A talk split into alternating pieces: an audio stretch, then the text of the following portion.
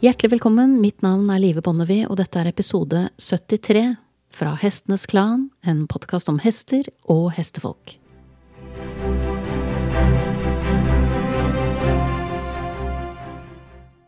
Fordi jeg har én fot i filmbransjen så vel som én i hestebransjen, så har jeg bestemt meg for å lage en liten føljetong som skal handle om hest på film. Dette er del én. Det er laget mange hestefilmer opp gjennom historien og det er dessverre også mange hester som har lidd en ublid skjebne i møte med filmbransjen. Da Ben Hur ble produsert i 1925, mistet rundt 150 hester livet under innspillingen, blant annet som følge av bruk av vaiere som sendte hester i bakken i et høyt tempo. Antallet døde hester vakte for all del reaksjoner, men det fikk interessant nok minimalt å si for praksisen i filmbransjen.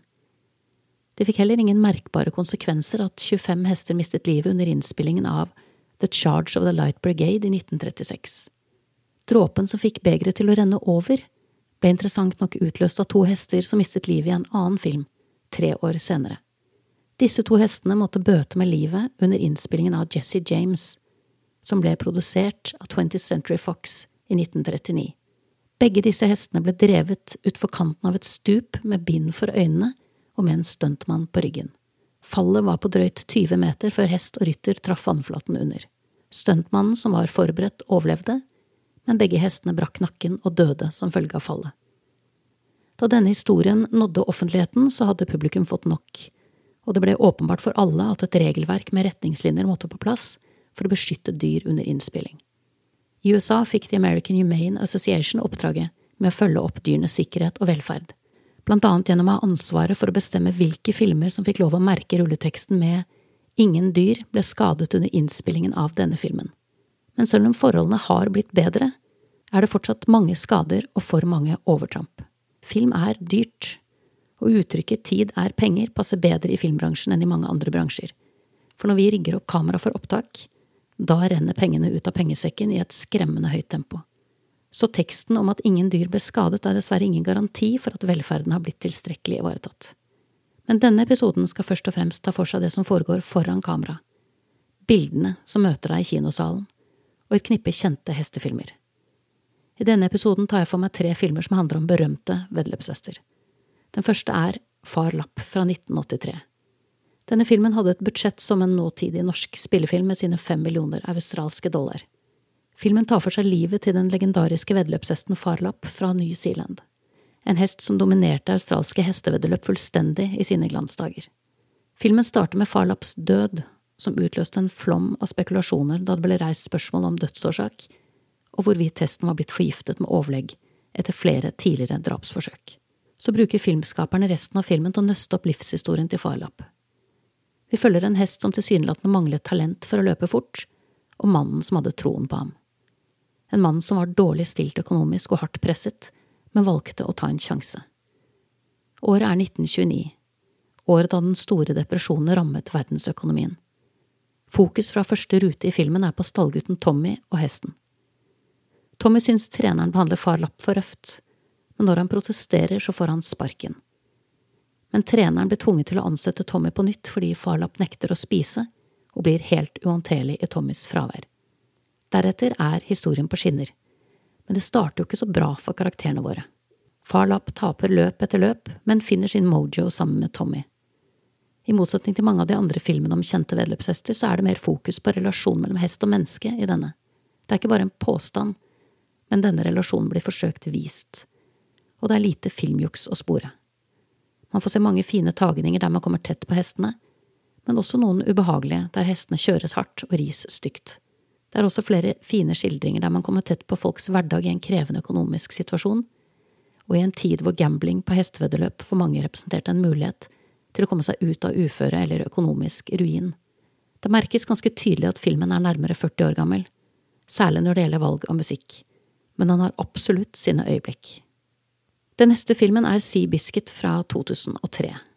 Filmen er produsert av Disneys utfordrer Dreamworks, du har sikkert sett den animerte logoen deres, der kameraet panorerer inn mellom skyene og finner den lille gutten som sitter og fisker fra en halvmåne, som blir til D-en i Dreamworks. Under Dreamworks-logoen så står det tre bokstaver. SKG. Det er initialene til Spielberg, Katzenberg og Geffen. Steven Spielberg er jo velkjent for de fleste som mannen bak filmer som ET, Indiana Jones, purpurfargen Warhorse og Saving Private Ryan. Forretningsmannen David Geffen, derimot, er nok kjent for de færreste.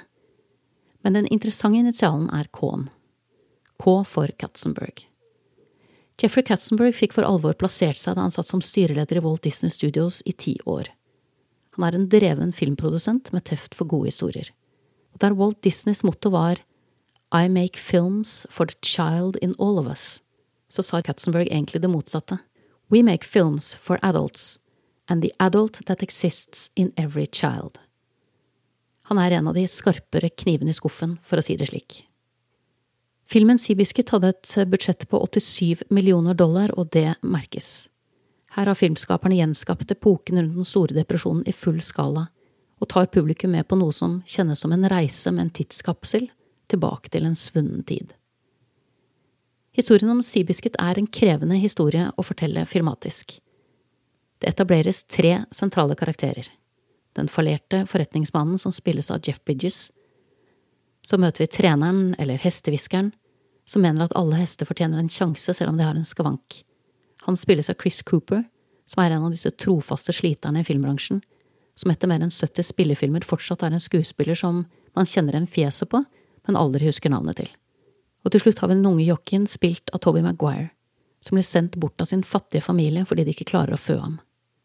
Filmskaperne er ikke redde for å ta seg god tid, og de har åpenbart satt seg som mål å gi et bredt tidsbilde av et Amerika dypt preget av forbudstid og økonomisk uføre.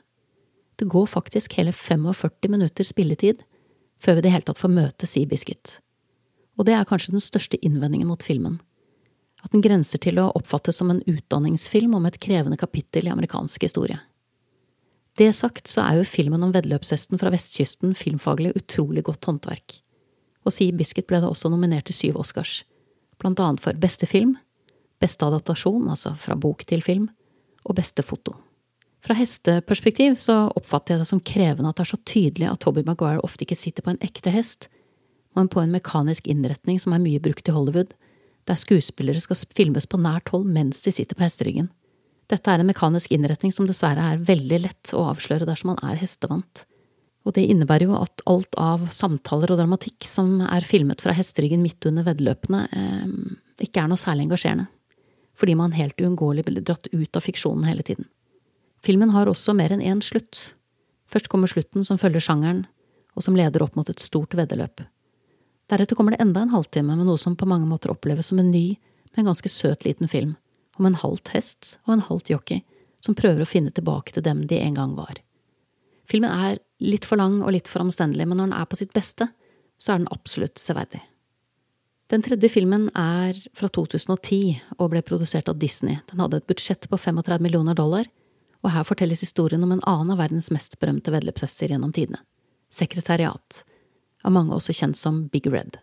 Sekretariat har faktisk fortsatt det raskeste tid i de amerikanske hesteveddeløpene som er kjent som Triple Crown, som består av tre løp i tre stater som arrangeres i løpet av fem uker. Da Sekretariat vant Triple Crown, var det 25 år siden noen hest hadde klart denne bragden sist, og han vant det ene løpet med imponerende 31 hestelengder men heller ikke denne filmen så møter vi hesten fra start. Han er faktisk ikke født engang når filmen dras i gang. Så likhet med Sea Biscuit prøver man her å dekke inn en historie som strekker seg over flere år.